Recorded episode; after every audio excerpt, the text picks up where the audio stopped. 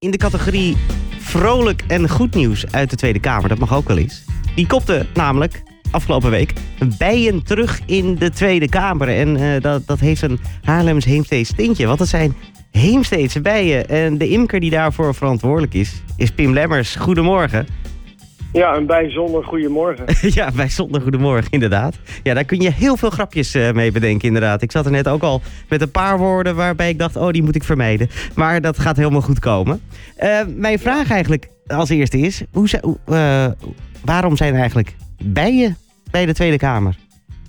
Ja, dat is alweer een stukje historie. Dan gaan we terug naar tien jaar terug in die tijd. In 2012 toen werd er in de Tweede Kamer een motie aangenomen. Door PVV'er uh, ingediend uh, Dion Graus. Die mm -hmm. uh, vond dat er meer bijen naar overheidsgebouwen moesten komen.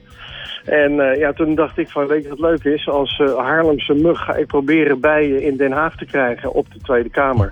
en op het dak kon uiteindelijk niet. En toen hebben we gekozen voor een plekje in de binnentuin van de Tweede Kamer. Daarnaast kreeg ik ook een plek aangeboden op het Katshuis, de ambtswoning van uh, de MP, de minister-president Mark Rutte. En uh, ja, daar vliegen de bijen rond uh, nog steeds op het Katshuis. En sinds afgelopen donderdag zijn ze ook weer in het Haagse op de Bezuidenhoutseweg 67 Tweede Kamer weer actief. Ja, want ze moesten even verhuizen, hè? Vanwege, er wordt ja, natuurlijk flink verbouwd. En ik begreep, want ik, ik weet bijvoorbeeld bij, bij katten, als je gaat verhuizen, dat die moeten zes weken binnen zitten, anders lopen ze weer terug. Is, is daar ja, bij, buien, bij bijen ook een bepaald protocol voor?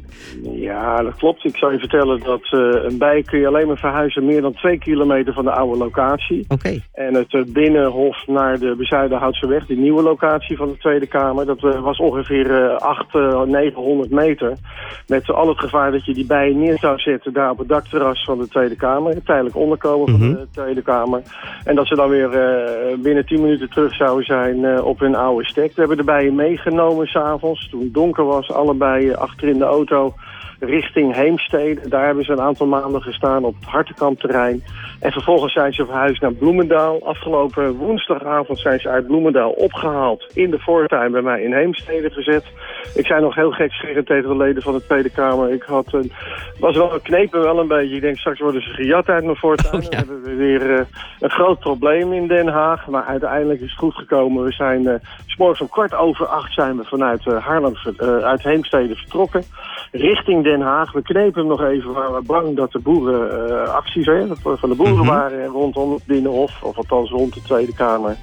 Nou ja, met uh, onder begeleiding van de beveiliging zijn we uiteindelijk de Tweede Kamer ingekomen. Ja, en de rest ratieval. Ja, en ik las dus dat tijdens uh, nou ja, het verblijf in Heemstede is er een troonswisseling geweest. Wat, wat? Ja, je moet het zo zien. Ja, dat is altijd een heel leuk verhaal. Ik, ik sta ook met mijn bijen bij onze koninklijke familie.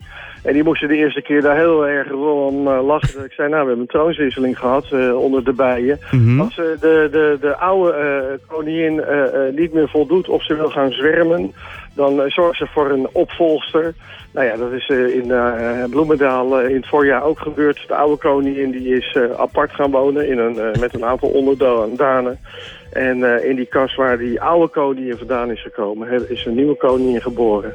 En uh, ook weer uh, gepaard met de darren, een technisch verhaal. En uiteindelijk is er een jonge koningin dus actief. En nu vliegt ze niet meer in, in Bloemendaal rond, maar nu is ze in Den Haag al een aantal dagen, althans haar onderdanen zijn daar actief met het verzamelen van, van honing. En heel veel mensen zeggen altijd, wat moet je in godsnaam met, met bijen rondom het centrum van Den Haag? Nou ja, ik kan je vertellen dat het is een paradijs. Hè? Naast de, mm -hmm. de stenen gebouwen hebben we daar heel veel lindenbomen staan. Op Malieveld, Korte Lange Voorhout, Binnenhof. Kortom, die bijen verzamelen daar altijd zo'n zo'n 30, 35 kilo honing. Dat is prachtig. Wauw.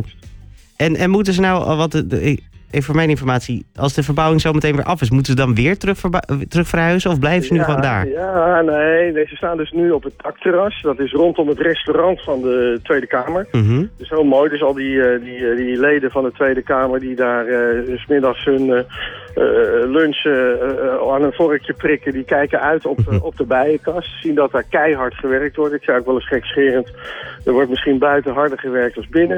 eh, in Den Haag. Eh, dan moeten ze inderdaad weer terug. Die worden dan weer opgehaald over een jaar of zes, zeven. Hè. Misschien loopt het wel weer uit. Dan gaan ze weer richting Heemstede en dan moeten ze uiteindelijk weer terug. En dan komen ze weer eh, onder veel trommelgeluid worden ze weer geplaatst in de, de binnentuin van de Tweede Kamer op het Binnenhof. En dat is natuurlijk nog iets wat heel lang gaat duren. Ja, dus ze hebben nu gewoon tijdelijke functie elders. Juist, klopt. Precies. Oké, nou Pim Lemmers, dankjewel dat je het even wilde toelichten. En wat een, wat een prachtig verhaal ook over die hele hiërarchie binnen zo'n uh, bijenkolonie.